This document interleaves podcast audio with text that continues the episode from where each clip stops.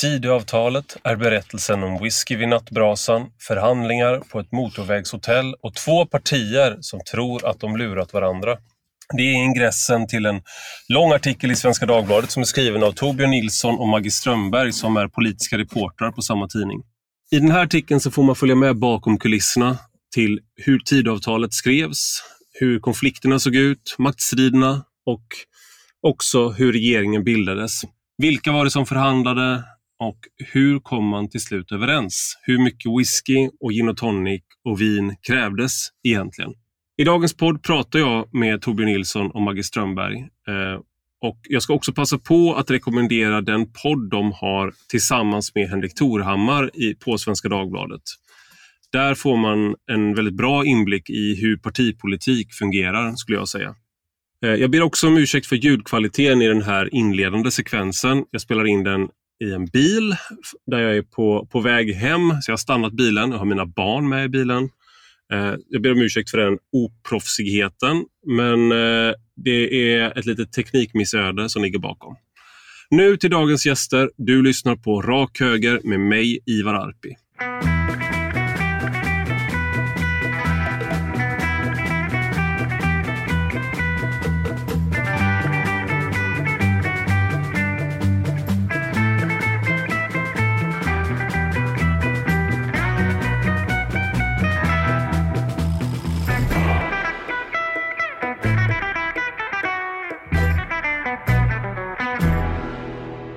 Välkomna Torbjörn Nilsson och Maggie Strömberg till Rak Höger. Tack så mycket. Tack, tack. Och ni är på Svenska Dagbladet och jag är inte på Svenska Dagbladet. Men folk säger att jag jobbar... Jag har precis läst forskningsartiklar om mig själv där det står att jag är chefredaktör på Svenska Dagbladet nu. Bara så att ni vet om ni undrar vem som är er chef nu. Men jag, jag är alltså numera bara lös medarbetare på SvD Kultur. Men ni är däremot på SvD och ni sitter på SvD just nu också. Ja, ja det gör vi. Ingen, ingen av oss är chefredaktör. Nej, nej, bra, då har vi lagt till det. Och chefredaktören är inte här och kan försvara sig heller, så har vi sagt det också. Jag eh. måste bara fråga, jag ser ja. inga ljudvågor på mig själv, men på er? Eh, nej, men det, det, är för att eh, det är en väldigt misogyn, den här appen, så att kvinnors röster bara försvinner. Nej, men det, jag ser dina ljudvågor. Du ser mig? Ja, jag också. Mm. Ja. Bra. Ja, ni är ju politikreportrar på SvD och eh, för de som inte känner, känner till er så har jag precis presenterat er. Men nu så har ni skrivit en väldigt intressant redogörelse för regeringsbildningen bakom kulisserna och Tidöavtalet en natt avgörs allt eh, långt ifrån förhandlingsbordet. Eh, och det, jag, jag ville gärna ha med er för att prata om den, eh, för jag tyckte att det var så... Det, eftersom jag har varit en av dem som har tagits in för att kommentera hur går förhandlingarna. Eh, och eh, Jag har väl haft en mer begränsad bild kanske. Men kan ni bara, hur, har ni, hur länge har ni jobbat med den här artikeln och alltså, hur, hur många människor pratar man med inför en sån här artikel när man ska få reda på hur någonting går till bakom kulisserna? Liksom? Vi, vi har väl hållit på med den i sex veckor kan man väl säga i den meningen att de sista två veckorna när de här förhandlingarna pågick, alltså innan tidavtalet presenterades, så började vi ju arbeta med en idé om att skriva en sån här mm. artikel. Men då fick vi ju inte veta någonting. Utan då handlade det om att eh, ja, börja, börja så smått eh, kasta ut trevare om kan du tänka dig att på något sätt prata eh, när det här är klart. Mm. Och sen har vi ja. liksom gjort den här researchen efteråt, så vi hade ju heller inte så bra koll på det som hände när det hände. Mm. Vi, eh, alltså första veckan efter valet när vi förstod att det började, då började vi ju egentligen med de där tre, då, då smsade jag ett par personer och skrev glöm nu inte skriva dagbok, jag ska låta dig vara i fred men skriv dagbok så att vi kan höras efteråt. Mm. Um, och de, vi har ju också skrivit om den här konstellationens förhandlingar tidigare under mandatperioden, de budgetförhandlingar de har gjort och sådär. Och hur de hade förberett sig inför regeringsbildningen. Så det är ju också ett konstant pågående arbete. Men sen har vi väl de sista fyra veckorna, alltså egentligen sen dagen då avtalet presenterades, har vi mm. jobbat då frikopplades vi från allt annat arbete och jobbade med detta på heltid. Så det är därför man har fått lite färre poddar från er kanske? Eller har ni hållit... Mm. Ja. men men hur, bara så här så man får bilden då. För att eh, någon, i början av den här, eh, den, här lång, den här långa artikeln så, eh, så får man ju så här förmedlas ju den känslan som, som också Ulf Kristersson eh, ville förmedla innan valet, det vill säga min sida av politiken. Vi håller alltså med varandra om de stora sakerna. Vi står för ett annat alternativ. Och det var väl inte, liksom, är intrycket att det där bara var, alltså nu, nu när ni har pratat om, när ni har pratat med så många och fått se hur det har gått till, liksom, är det, var det en bra pitch till svenska folket eh, för att det skulle framstå så eller hade de någonting förberett? Fanns det något fog för att säga så innan? De hade ju skrivit ett antal sakpolitiska debattartiklar ihop där de ändå eh, ville en del gemensamma saker. Eh, de hade ju, problemet med det var ju delvis att eh, med rättspolitiken till exempel så tog ju Liberalernas landsmöte sen beslut som gick i helt motsatt riktning. Mm. Eh, men man kan ju säga så här, om man jämför med den budget de gjorde första gången de förhandlade budget, den som vann över Magdalena Anderssons när hon fortfarande var ja, det var i skiftet när hon blev statsminister där. Just det. Um, då la de ju alltid jobbiga åt sidan. Då var det ju väldigt, ganska lätt att enas. Um, men det, här fanns ju, det fanns ju stora problem med finansieringen till exempel. De mm. var ju inte överens om biståndet och socialförsäkringarna, mm. a-kassan um, och sen även på rätts och migrationsområdet fanns det ju saker. Jag tycker att Alltså i någon mening så stämde ju bilden i valrörelsen. Vi är fyra här som vill samma sak och kan enas.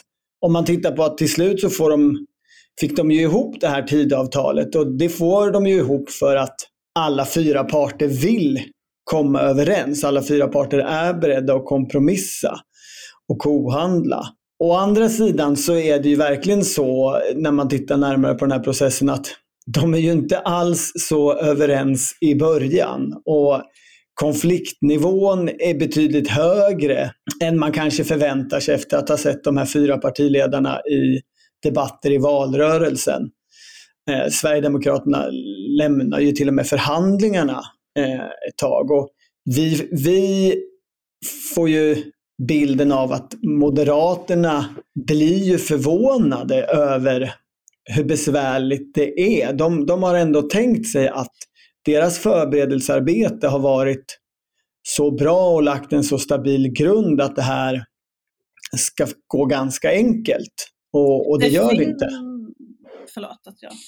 Det finns ju en... Eh, alltså det händer ju något i och med att Sverigedemokraterna blir större än Moderaterna som, gör, som liksom rubbar rollerna lite här. För att Moderaterna är, och det beskriver de själva och det beskriver de andra partierna, de är ju vana vid att leda den här konstellationen. Alltså de, mm. de har ju åren från alliansregeringen i sig, att det, det är vi som ska gå före så att säga. Och Sverigedemokraterna går ju inte riktigt med på det. De kommer ju till förhandlingarna om talmansposten som jag tror att de flesta som stod utanför tyckte, det är väl givet att Andreas Norlén kommer få fortsätta vara talman. Känd, omtyckt, kompetent. Mm. Men Sverigedemokraterna kommer ju till den förhandlingen och säger vi störst, vi ska ha talmansposten. Och det mm. tar ju otroligt mycket tid och kraft innan de löser ut den frågan. Och nio, nio dagar eh, skriver ni att det tar och det, det, det här är väl en sån där sak som jag har pratat mycket med, med, med Sverigedemokrater, med moderater och kristdemokrater. En sak som återkommer är just den här eh, bilden som jag, jag, som jag tycker eh, delvis bekräftas, eller bekräftas i den här att Sverigedemokraterna har en annan syn på sig själva än vad de andra har. Så det ser ju såklart, det är helt självklart för alla att Andreas Norlén ska bli talman för att han är accepterad i breda av andra partier också. Men är du sverigedemokrat så, så ser man inte på det så. Och då, och då är man inte, så någonting som återkommer här är också att det finns den här, eh, ni beskriver det som en, en, kanske en tillitsbrist eller att man står långt ifrån, men det är också det här att Sverigedemokraterna just, de är inte så tacksamma för att de får vara med som de andra kanske tycker att de borde vara. Är det, är det någonting som, eh, som stämmer liksom med den bilden som de, ni har pratat med ger? Ja men så är det verkligen och kanske faktiskt framförallt i relation till Moderaterna där. Eh, och Sverigedemokraterna uppfattar ju också väldigt tidigt, eller de bär ju hela tiden på den känslan att eh, de andra tycker att vi ska vara tacksamma för att vi nu får vara med. Och det, mm. det blir de väldigt provocerade av. Mm. Det försvårar också kommunikationen och relationen mellan partierna. Och de är inte tacksamma. De har ju liksom, nej men de har ju, eh, de har ju stora ambitioner och siktet långt fram. De är mm. inte nöjda med att vara ett stödparti i riksdagen till en Kristersson-regering. Det, det, finns ju något där i, i partikulturerna som liksom krockar mot varandra och skaver.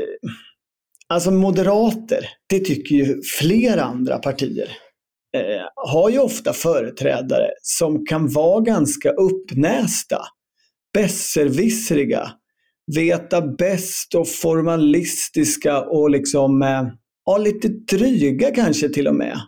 Vi är de enda ju... som kan styra ett regeringskansli. Vi är de enda som förstår det här egentligen. Mm. Vi, vi lär vi... gärna förhandla. Mm. det där vittnade ju liksom andra allianspartier om också. Men under olika perioder utav, utav alliansens eh, tid. Men då fanns det en, en, helt annan dynamik. Alltså då är det Maud Olofsson har ett personförtroende med Fredrik Reinfeldt och det byggs en över liksom bredare mellan de två partierna. Centerpartiet accepterar helt och fullt sin roll som ett parti på 68 procent eller vad de hade under de där åren. Man är ju ingen konkurrent om knappt väljare, men det är man ju lite grann förstås alltid. Men man är definitivt ingen konkurrent om ledarskapet i koalitionen eller liksom var tyngdpunkten i koalitionens uppgörelse ska vara. Men det är ju Jimmy Åkesson med, med Ulf Kristersson på ett helt nytt sätt. Och det här, för det är någonting som, eh, som ni skriver och det är i den här i den vi kanske först ska säga det, hur är det man förhandlar? Alltså hur sker, vilka är det som förhandlar med varandra egentligen? För det sker på flera olika nivåer. Kan ni det beskriva det? Ju, det är ju då i första hand gruppledarna som sitter med både eh, det som de kallar kappan, som är det här introt till Tidöavtalet där de eh, har kommit överens om formerna för samarbetet, hur det ska fungera. Eh, det förhandlas på gruppledarnivå och även eh, alltså talmansfrågan och, och eh, posterna, eh, ordförandeposterna mm. i riksdagens utskott.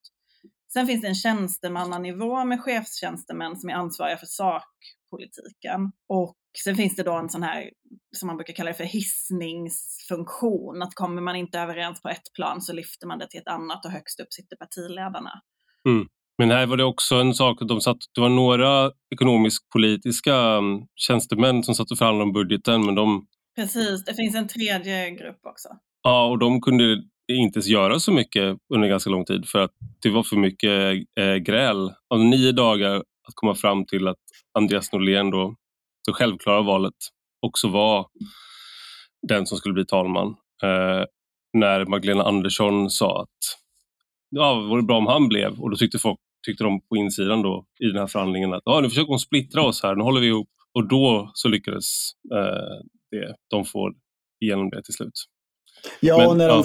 De när de fastnar där på talmannen så får de ju inte så mycket tid till att komma någonstans med sakpolitiken. Så det, det, så, så det hänger ihop på det sättet. Mm. Och, och sen när de väl kommer till slottet, då är det ju gruppledarna och, och partiledarna som eh, liksom sitter i, i ett rum i, i avgörandet. Men det är ju jättemycket vad de förhandlarna själva eller partierna själva kallar liksom bilaterala samtal. Alltså någon tar någon åt sidan, pratar om någonting i ett rum eller tar en promenad i den där parken utanför slottet och, mm. och sådär. Eh, känner på varandra. Alla som har de... sett Biggest Loser vet ju att det är så här relationer byggs. Liksom. Alla, de, alla dokusåpor funkar ju så här. Liksom. Det är synd att inte man kunde ha med mick och kamera då, så man kunde liksom pussla ihop ännu mer i efterhand. Men hur är personkemin här då? För att det, det är en sån där, om man bara kollar utifrån så på partiledarna så tycker man ju att det ser ganska trevligt ut. Och eh, de säger ju att eh, liksom, ja, men Sverigedemokrater älskar ju att säga att eh, de har problem kanske med Liberalerna på olika sätt, men att Johan Persson är en hyvens kille. Liksom. Det gemensamma grillintresset trumfar. Liksom. Men eh, hur är det i realiteten då? med de här men, liksom, de som sitter. Är, är, är det där mellan SD och, och L på de andra nivåerna som konflikterna är som skarpast? Sakpolitiskt är det ju det. Eh, men i relationerna är det ju snarare mellan Moderaterna och Sverigedemokraterna som det är knackigt. Mm. Eh, eller där det i alla fall är, är viktigast. Att det är svårt. Det är, ja, men ett, en sak som till exempel har beskrivits är att de har bestämt att de ska ha eh, namnen på partierna på alla dokument ska vara i storleksordning och i alla pressmeddelanden och sådär så ska Sverigedemokraterna stå först. Och så dyker det ändå upp dokument från moderata kansliet där Moderaterna står först. Som mm. där går Sverigedemokraterna och irriterar sig på. Och det, det här, jag måste bara, jag läste det där så, så kom jag på att eh, jag skrev en eh, eh, B-uppsats i sociologi. Eh, var vi på, på, där, eller på en fotbollsmatch mellan Malmö FF och IFK Göteborg och, jag stod, och vi stod i Malmöklacken och jag stod och sjöng med i Malmöramsorna på göteborgska. Eh, så en deltagare skulle observera, observera och då hade vi en kille som var med som förstörde grupparbetet hela tiden. Då. Det var eh, oseriös kurs, eh, oseriös uppsats men vi liksom försökte ändå få till det. Så här, och han, han, bara, han bytte ut alla inte mot icke. Han höll på så hela tiden. Så till slut så, och jag satt då liksom och skulle renskriva uppsatsen. Jag, jag fick alltid den rollen. Liksom. Eh, och då så skämtade jag med en av mina kompisar. Så att hans namn, som han, hans namn började på A, han hette Andersson tror jag. Så han skulle vara först. Liksom. Och så, så, så satte jag det sist och så krympte jag det. Så att hans, han hade liksom en, och sen fortsatte jag liksom. och så glömde jag bort det där. Och sen så liksom fick vi tillbaka det då. Eh, och då hade vi fått VG, så här, det här är mitt skryt då, att jag fick VG på en skituppsats.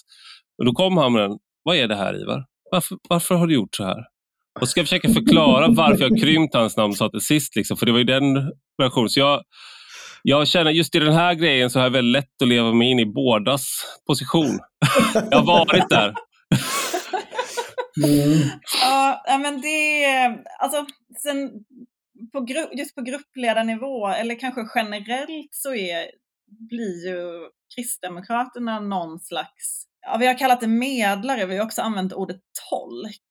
Att de mm. liksom, eh, just Andreas Karlsson som ju åkte ur riksdagen i det här valet, han är ju minister nu, men han, han förlorade sin riksdagsplats men var ändå med i de här förhandlingarna som han togs in som konsult av Kristdemokraterna. Mm. Han beskrivs som en person som eh, har koll på liksom hur alla mår på ett möte och ringer upp efteråt och säger du, jag såg att du tyckte att det här var lite jobbigt. Jag ska förklara mm. hur de menade.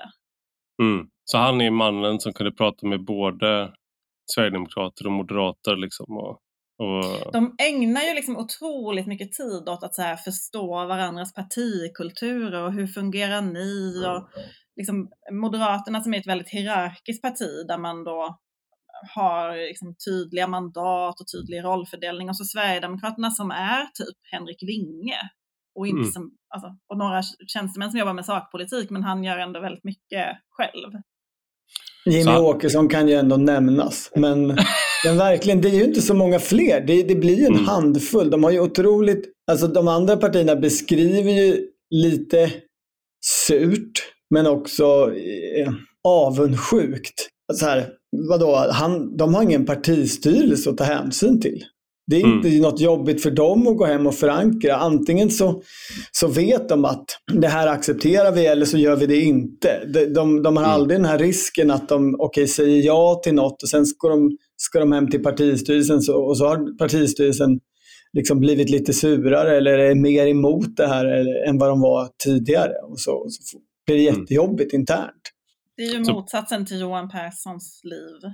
Mm. Där det interna är, är lika jobbigt som att förhandla med någon annan. Man ska inte kommentera folks vikt och sånt där. Jag är liksom lite emot att man gör det så mycket sådär men det, det, hans liksom kropp är att följa den under valrörelsen och efter. Och så där, liksom att han fyller ut lite, man ser trött. Alltså, det, man får, hans, han bär sitt parti rent fysiskt, alltså i spåren av, tycker jag.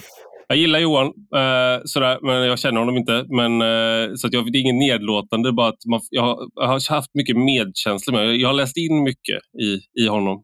känns det som. Ja, men han är ju också lite, han har ju en likhet med Håkan Juholt i att ingen av dem var väl några stora skådespelare. Så när man märker ju på Johan Persson och hur, rent hur han ser ut och låter och rör sig när det är jobbigt. Mm. Då syns ju det. Liksom. Och det är någonting, kan man ju tycka är lite genomskinligt, men det är också något ganska ärligt mm. eh, i intrycket. I, mot, I motsatsen, för det är också sådär en känsla man har där när Ulf Kristersson får frågan så här, hur går förhandlingen? Ja, det går bra. hur, hur, många procent av de som lyssnar tror på det och att det är en liksom rimlig bild? Hur menar du bra? På en skala från 1 till 10? Ja. 10, 10 är eh, när man står på en fest och, och 2006 och folk ropar “Finns det några alliansvänner här ikväll?” Det är 10. Var, var befinner ni er nu? ja, men det är ju liksom, eh, alltså det är ju det som gör att vi, vi gör den här typen av jobb. Att, alltså, jag stod själv som så här, um, nyhetsreporter för Svenskan under talmansvalet och intervjuade alla partiledare på väg in i kammaren. Och mm. frågade Ulf Kristersson, var det helt självklart att ni skulle få talmansposten fastän Sverigedemokraterna är större? Ja, mm. visst, mm. säger han. Och sen mm. kommer någon sverigedemokrat och säger att de är jättenöjda med förhandlingen. Mm. Eh, och sen när man börjar då göra intervjuer eh, mot löfte om att inte citera personer direkt, mm. då, då får man ju en helt annan bild. Mm. Det. det är ju otroligt mycket teater. Sen ni, ni, hittar, ni hittar inte på allting själva då? Alltså, utan ni pratar faktiskt med människor. För ibland, eh, med er, inte med er, men med vissa andra eh, politikreportrar så kan man få en känsla av att ah, jag vet inte hur många de har pratat med här. Utan det här känns som eh, någonting som de har, tycker känns rätt. Eh, sådär. Jag ska inte kasta några stenar i det glashuset eh, eftersom det är ledare, på ledarredaktion som jag har jobbat mycket på. Då eh, måste man ju ska man, man har, det är en annan roll såklart, men det är mycket mer att man ska kommentera på ett ideologiskt plan och sådär. Är det bra eller dåligt och sånt där. Men ni eh, jag har fått höra om man pratar med folk att ni faktiskt ringer människor. Så ni pratar alltså med människor som ni sen citerar. Ni hittar inte bara på allting. Alltså jag tror inte att någon, jag måste bara säga det, jag tror inte att någon politikreporter hittar på. Jag hör det nämnas ganska ofta nu för tiden. Jag tycker det har blivit vanligare att det är mm. liksom, mm. eh, så därför vill jag bara vara tydlig med att jag tror verkligen inte att, jag menar det, det går ju emot varandra liksom, journalistisk regel och instinkt som finns. Nej, det är men... klart att de inte hittar på. Jag ska bara säga, jag förstår att, jag, jag menar inte att man gör det, men däremot så kan man säga eh, eh, liksom att man har pratat med, om man pratar med två personer eh, och sen säger man, ja, men när man ringer runt och så har man pratat med två personer i sammanlagt en kvart. Det är en annan sak än att göra det ni har gjort nu när ni har pratat med väldigt många, många och får liksom en tydligare bild. Sådär. Nej men så är det. Vi, vi, vi ringer ju så många vi kan. Vi, vi pratar länge och vi ringer dem också flera gånger. Mm. Eh, inte minst i det här jobbet var ju det väldigt tydligt om vi jämför intervju nummer ett med personer och intervju nummer fyra med personer så ser mm. de väldigt olika ut. Eh, man får små pusselbitar längs vägen och så ringer man tillbaka och stämmer av och så får man, får man mer och mer eh, information. Så, va, va, om man tänker på liksom hur hantverket ser ut. Jag tänkte vi ska gå vidare sen med, med själva eh, tidavtalet. Så där, men det, så är det ju, om ni, det här kanske låter, det, det känns lite som eh, att typ så förklara hur skådespeleri går till, att eh, man låtsas att man är någon annan än den man är. är ni med på hur jag menar då? Jag ja. är en person och sen låtsas, så känns det lite nu, men Eh, så Nej, men det är inte alldeles självklart. Men, men om, någon, om ni skulle, den första intervjun, om ni sen skriver någonting utifrån det och de tycker att herregud, det här är det sämsta skiten jag läst, de lyssnar inte på ett ord av vad jag sa. Då blir det svårt för er sen att, upp, att, eh, få den personen att prata med er kanske vid ett annat tillfälle. Då. Typ. Så är det ju.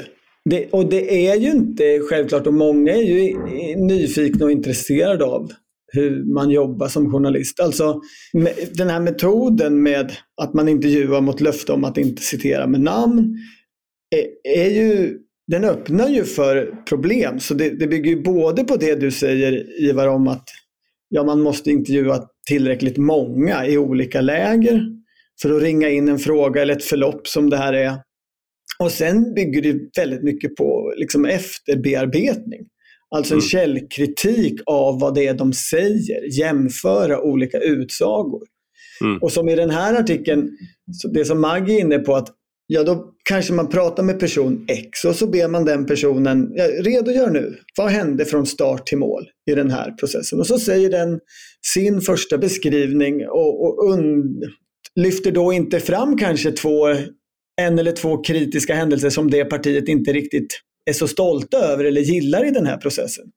Och så gör vi intervjuer med en eller två eller tre eller fyra andra personer som nämner de här sakerna. Då kan ju vi gå tillbaks till den första personen och säga, jo men hörru du, eh, andra veckan så hände ju också det här.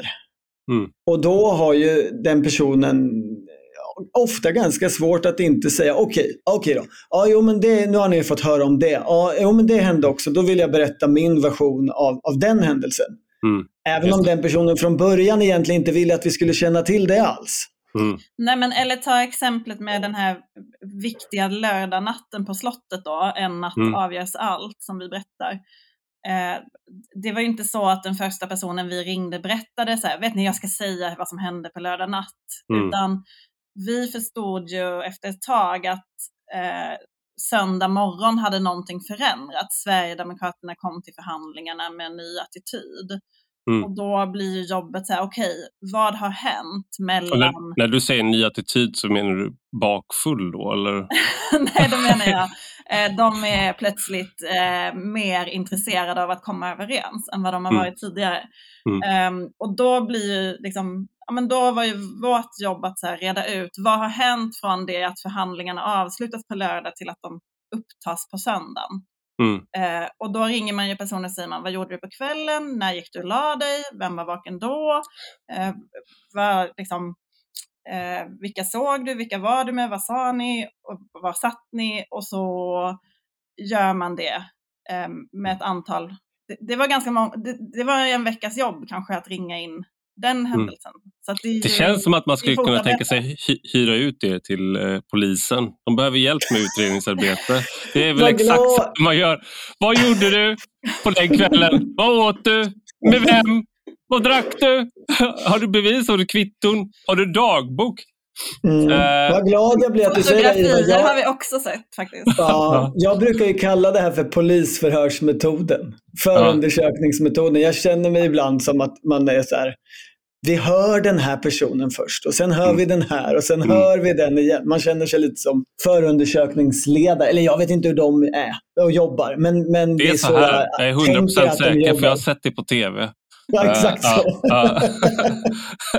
Men sen Men- kan man ju också Ja. säga att det, det andra som vi väl också använder oss av är ju att vi kan, alltså, eftersom vi pratar med alla så förstår vi ju också hur de är. Vi, känner, alltså, vi har ju jobbat med dem i många år, de har funnits i politiken, vi har pratat med dem många gånger.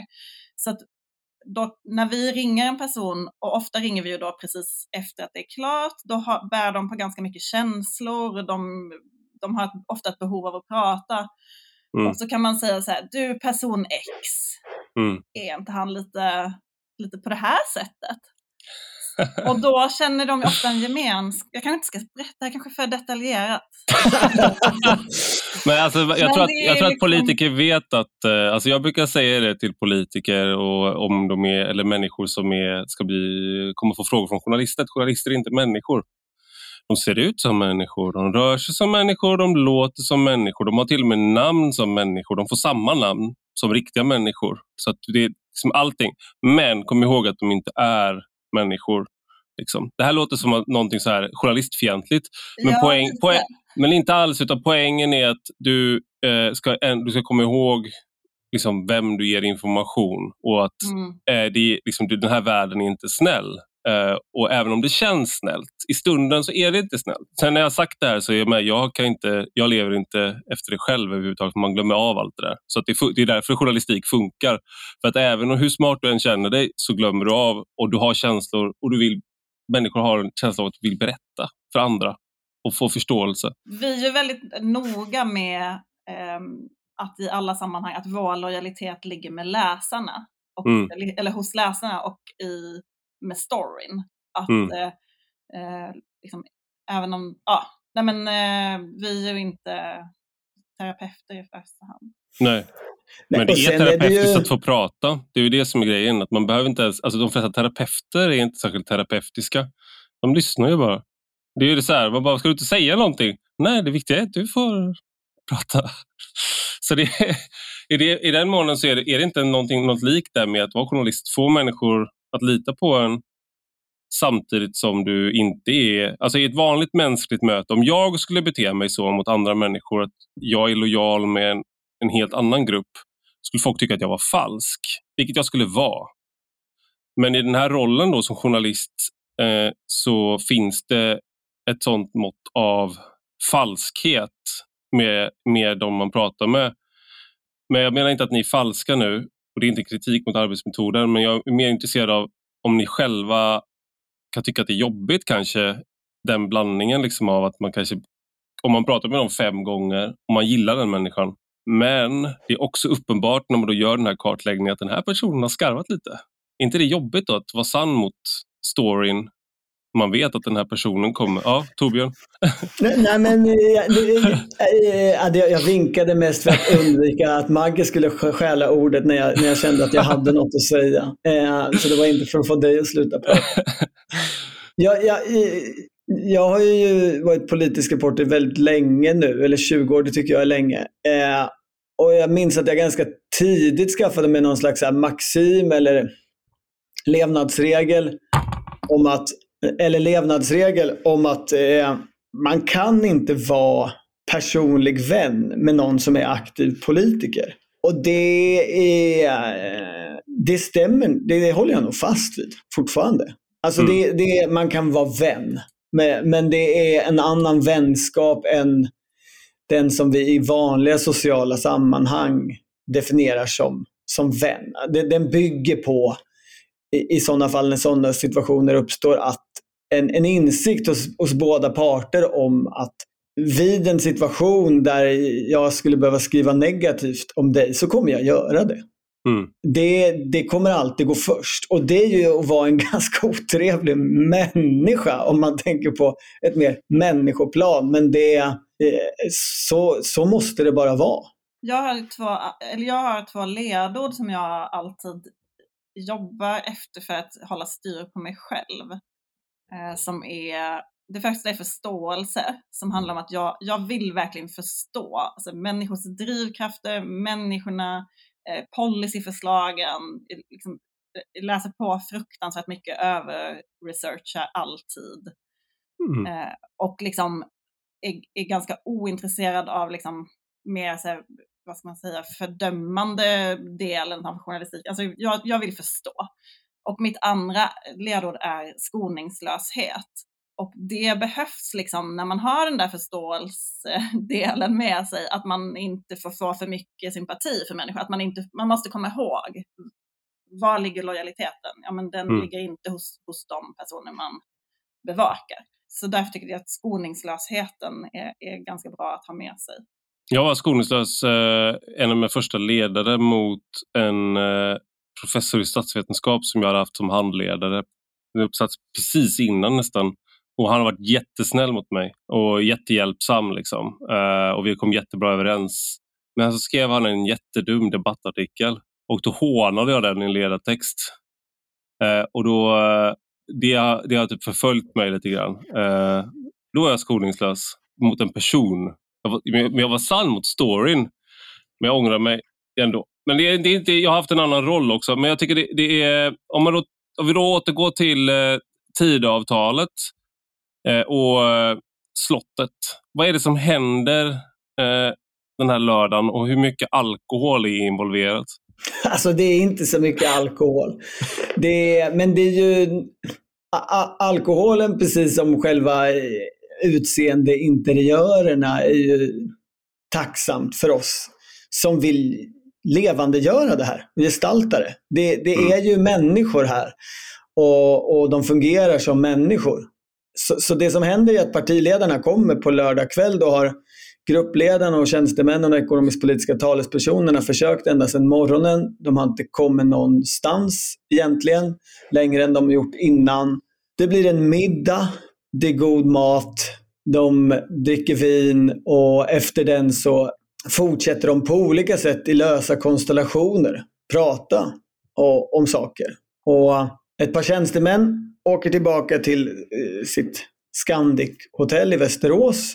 De får inte plats att sova på slottet. Och där gör de eh, en omskrivning av migrationsdokumentet. Mm. De dricker gin och tonic då, eller någon av dem gör det åtminstone. Eh, det är ju då en moderat och en, en sverigedemokrat. Mm. Och är det, det, det, här är, är det Gellebrand som är tidigare, eh, han är den som har fått en hög, han kommer vara chef på det här eh, samråd, samordningskansliet eh, och mm. han är tidigare moderat så det finns en eh, kulturell eh, förståelse där mellan honom och Moderaterna. Ja, det finns till och med personkopplingen. En gång till. Så här är alltid. Du får ta det. Varsågod. De har ju till och med jobbat ihop. Eh, Moderaternas policychef Per Clareus, som har varit väldigt tung internt i Moderaterna under många år, har jobbat ihop med Gustav Gellebrand som är eh, ja, ungefär samma sak hos Sverigedemokraterna. Eh, de jobbade i Beatrice Asks stab under alliansregeringen ihop, så de mm. känner ju varandra sedan tidigare. Och, så det är ju den mm. ena saken som händer eh, på slottet, fast det inte är på slottet, men den här, den här lördag natten. Och, och den andra är ju att det blir ett gäng av partiledare och gruppledare som, som efter middagen och förhandlingarna sitter kvar och pratar om eh, tillvaron, politiken, hur slottet ser ut, ja, umgås. Och där är, ja, mot slutet så är det en konstellation av, av några sverigedemokrater och, och, och Johan Persson och, och, Ebba Busch. Och Ebba Busch går och lägger sig och, och till slut går de med och lägger sig en efter en och, kvar på slutet är Johan Persson och, Henrik Winge. Mm. Och, vi har svårt att få fram exakt vad som sades eh, under de här timmarna när, när det här sociala samkvämet pågår. Men de pratar lite om samarbetet, de pratar lite om hur de ser på avtal och respektive mm. parti. De känner inte varandra så jätteväl. Liberalerna är ju sist in i den här konstellationen. Just det. Och Henrik Winge och, och Johan Persson är på olika, de har olika nivåer också då, så de har inte umgåtts under tiden när man har hållit på att förhandla då heller. Utan det var ett Mats Persson som har varit från Liberalerna som har förhandlat med Henrik Winge. Eh, Precis. Ja. Och eh, klart är ju att morgonen efter, eller alltså några timmar efter, när, när de har ätit frukost eh, och börja förhandla igen, så, så är det eh, helt, an, helt annan attityd och helt andra möjligheter. Man har den här nya migrationsskrivningarna som man kan sätta igång med direkt och det liksom löser ut sig område efter område, inte utan motstånd och, och det, det, är inte som att det går på räls eh, på söndagen, men alla har kommit till en punkt där de vill komma i mål och tror att det går att ta det här i mål på ett sätt där man själv har hedern i behåll och, och får tillräckligt mycket. Men vad, vad är det som eh. händer här? För det, det, det som är så, så här, när man läser artikeln och också kanske när man tänker på det i sina fantasier så känns det som att själva miljön, att man sover över, att det, okay, det, var inte, det var inte en spritfest, det var inte bunga bunga med Berlusconi, men det var vin och man åt gott och man gjorde det tillsammans och man kunde sitta kvar och prata. Alltså hur mycket är miljön i det här? Är det så, kan man liksom, om man, om man, för att om man zoomar ut och tänker så här att de hade, alltså man tänker tillbaks till så här sommaren så sa man de kommer kunna komma överens och bli regering. Och så spolar man fram och sa ah, titta vi har en regering. Och så behöver man inte veta någonting om det här.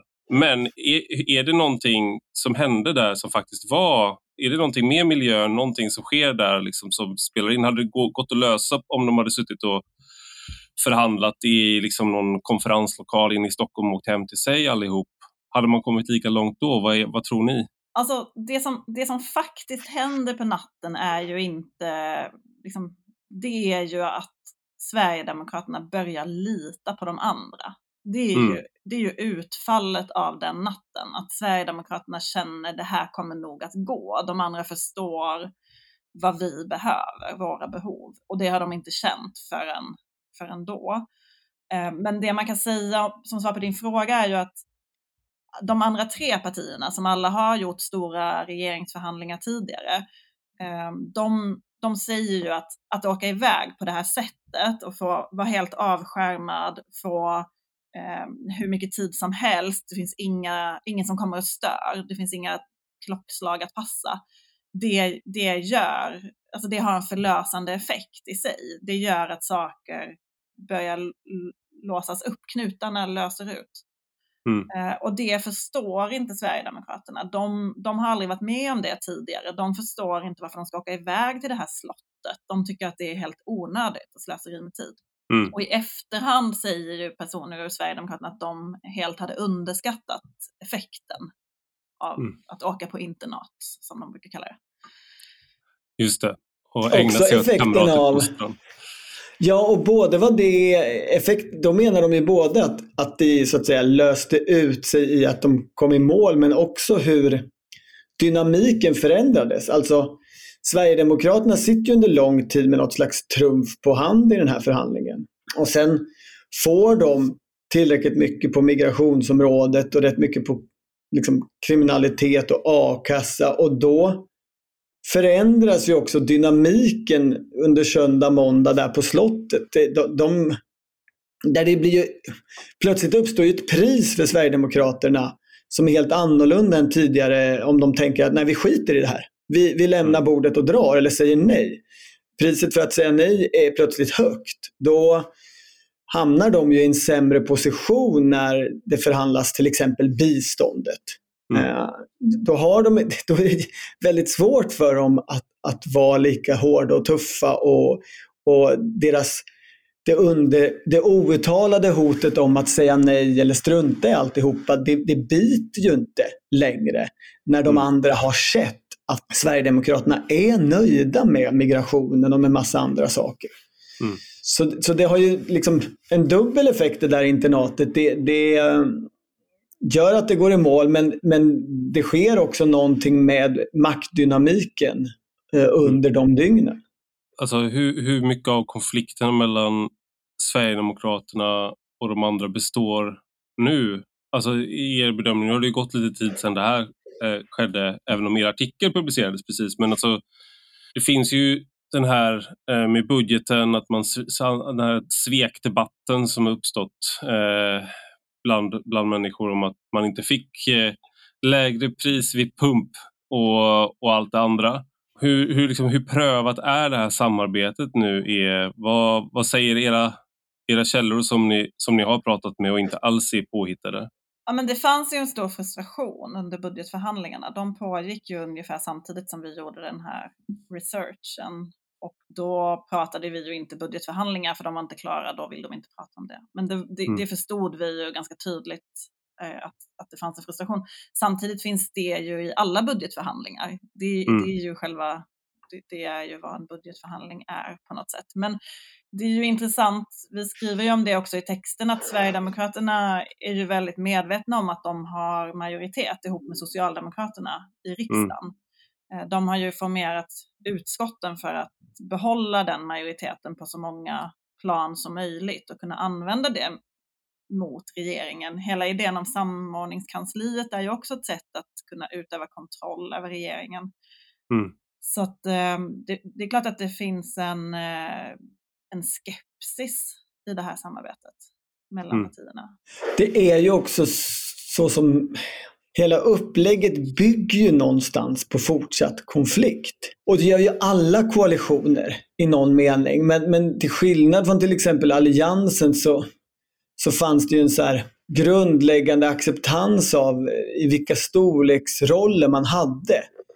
Eh, tittar man på de gamla skildringarna av, av de tidiga alliansåren och förhandlingarna, alltså Anders Borgs memoarer, Lars Leijonborgs och, och sådär, då, då, då ser man ju att det är ju lite gnabbigt mellan Liberalerna, alltså Folkpartiet som de hette då, och Moderaterna. Och det har ju framförallt att göra med att Folkpartiet blev så stora i valet 2002 men liksom sjunker ner och när de förhandlar inför 2006 så är de inte alls ett så stort parti och de får liksom acceptera att vara en av de andra tre småpartierna i den här konstellationen. Men, men dynamiken här är ju så fullständigt annorlunda.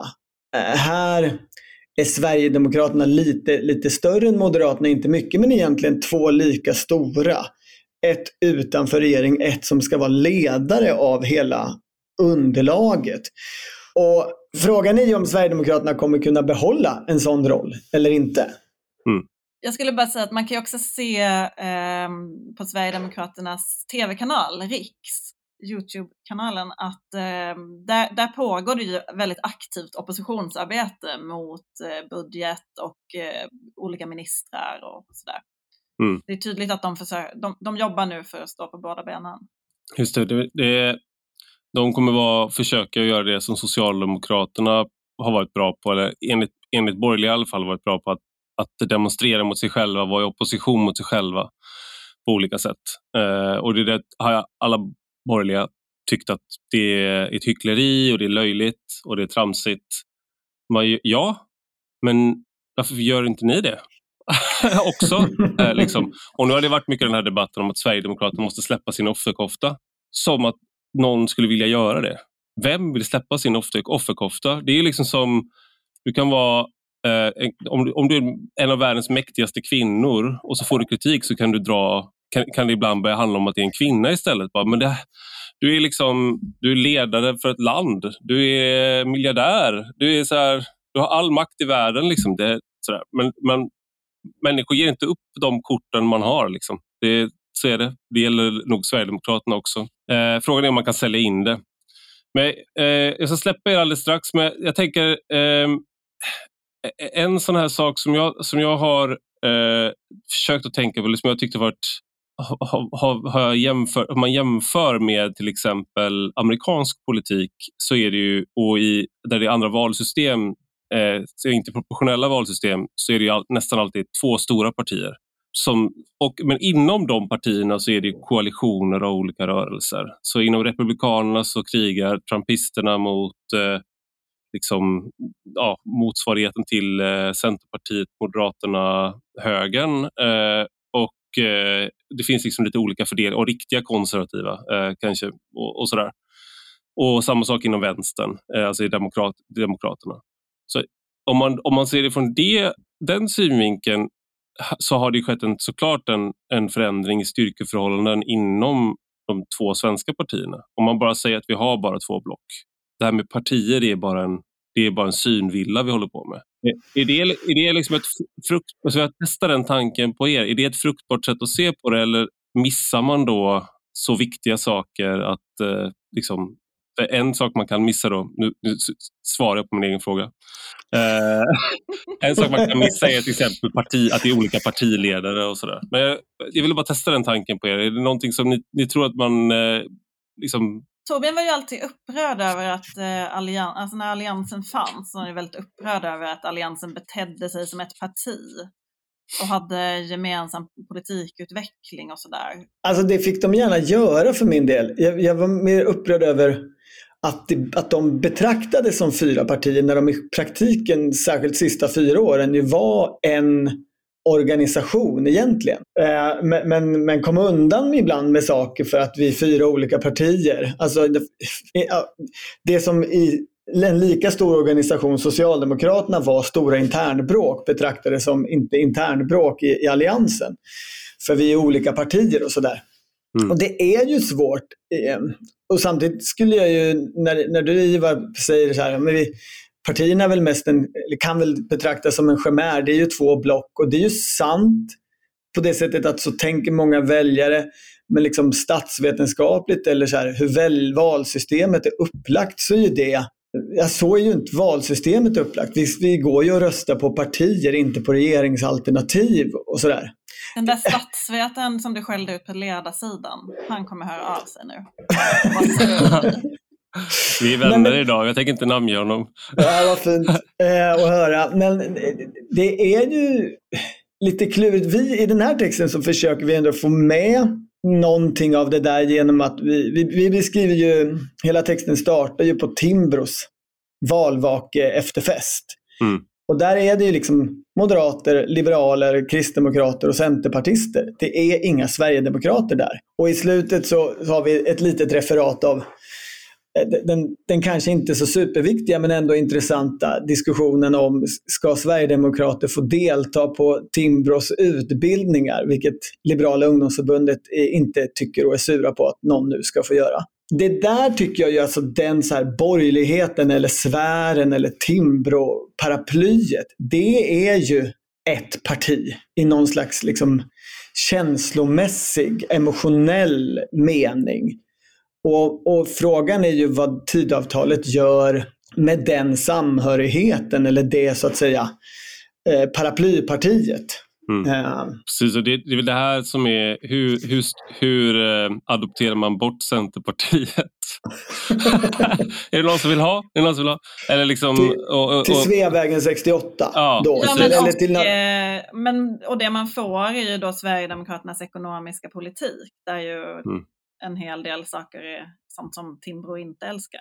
Just det, och där Benjamin Dosa var inte, som är då VD för Timbro och eh, tidigare MUF-ordförande och sådär, han var ju inte sen med att säga att här, vi hade kunnat lika gärna kunnat ha en sosseregering i den här budgeten. Det är ingen skillnad. Liksom. Så han var inte så nöjd. Så, eh, Kungsgatan 60 var inte så nöjda med, med den. Men det, det, det där, då blir det ändå någon sån fråga. Eh, för du säger att man, man röstar ju på partier i Sverige, men det gör man ju inte egentligen heller. Om man tänker att Liberalerna eh, skulle inte varit i riksdagen ett antal gånger, inte KD heller. Nej. Om man röstade på partier. Folk röstar på block för mm. att rädda kvar block. Man vill att ens block ska vinna. Så det är så här, hälften av rösterna som Liberalerna fick, inte riktigt, men eh, är från moderater som egentligen sympatiserar med Moderaterna. Och det är alltid kul att påminna liberaler om det. Eh, men, eh, Sverigedemokraterna skulle kanske inte vara största parti heller om alla, alla som var moderater röstade på Moderaterna. Nej, exakt. Det, det, är liksom en, det, det förändrar hur man ser eh, på styrkeförhållanden eh, inom... Om man kollar i väljargrupper i USA till exempel så är Trump-högern den största vad gäller representanter. Eh, liksom, I regel de är så högljudda. Men om du kollar på väljarna som väljer Republikanska partiet så är de inte den största väljargruppen. Eh, andra är större. Men det är bara det att du kan inte utmana dem för de är så starka på eh, sådär det finns ju något, kanske finns något motsvarande med, med Sverigedemokraterna är inte den största delen av högerpartiet i Sverige. Men de är det största enskilda, fack, liksom, eh, enskilda delen, så då är de inte den största. De är det största partiet, eh, den största delen i det, i det styrande partiet. Om man tänker på det på det sättet, då får ju de en helt en sämre position egentligen på ett sätt. Ja, det här är min... Eh, eh jag, jag kommer säkert klippa bort det här. jag bara sitter och filosoferar själv fritt. Jag, bara, jag, jag bjuder in Torbjörn Nilsson och Maggie Strömberg så ska de få höra på mina teorier. Ja, men det är intressant. Det är det men vi kan inget om amerikansk politik. Det är därför vi bara... Det, det är helt blankt för oss. Just det. Det är fördelen med att ha varit ledarskribent är att man, man får det låta som att man kan någonting om, om, om saker fast man inte kan det. Eh, men eh, vad, vad är härnäst då? Vad är det för text ni jobbar med nu? Vad, vad, vad är nästa stora avslöjande från er? Ja, men nu har vi, eh, den här veckan kommer ett specialavsnitt av Politiken, vår podd, som handlar om de gamla striderna i MUF, flickorna och pojkarna. Som har varit väldigt Eh, det, det, är en sån sak som folk har hört av sig om. Kan inte berätta hela den här historien, vi förstår ingenting. Så mm. det kommer, den gör vi ju ihop med Henrik Torehammar. Annars är det, det är blankt framför oss. Eller framför mig i alla fall. Jag vet inte Torbjörn, du kanske har något på gång?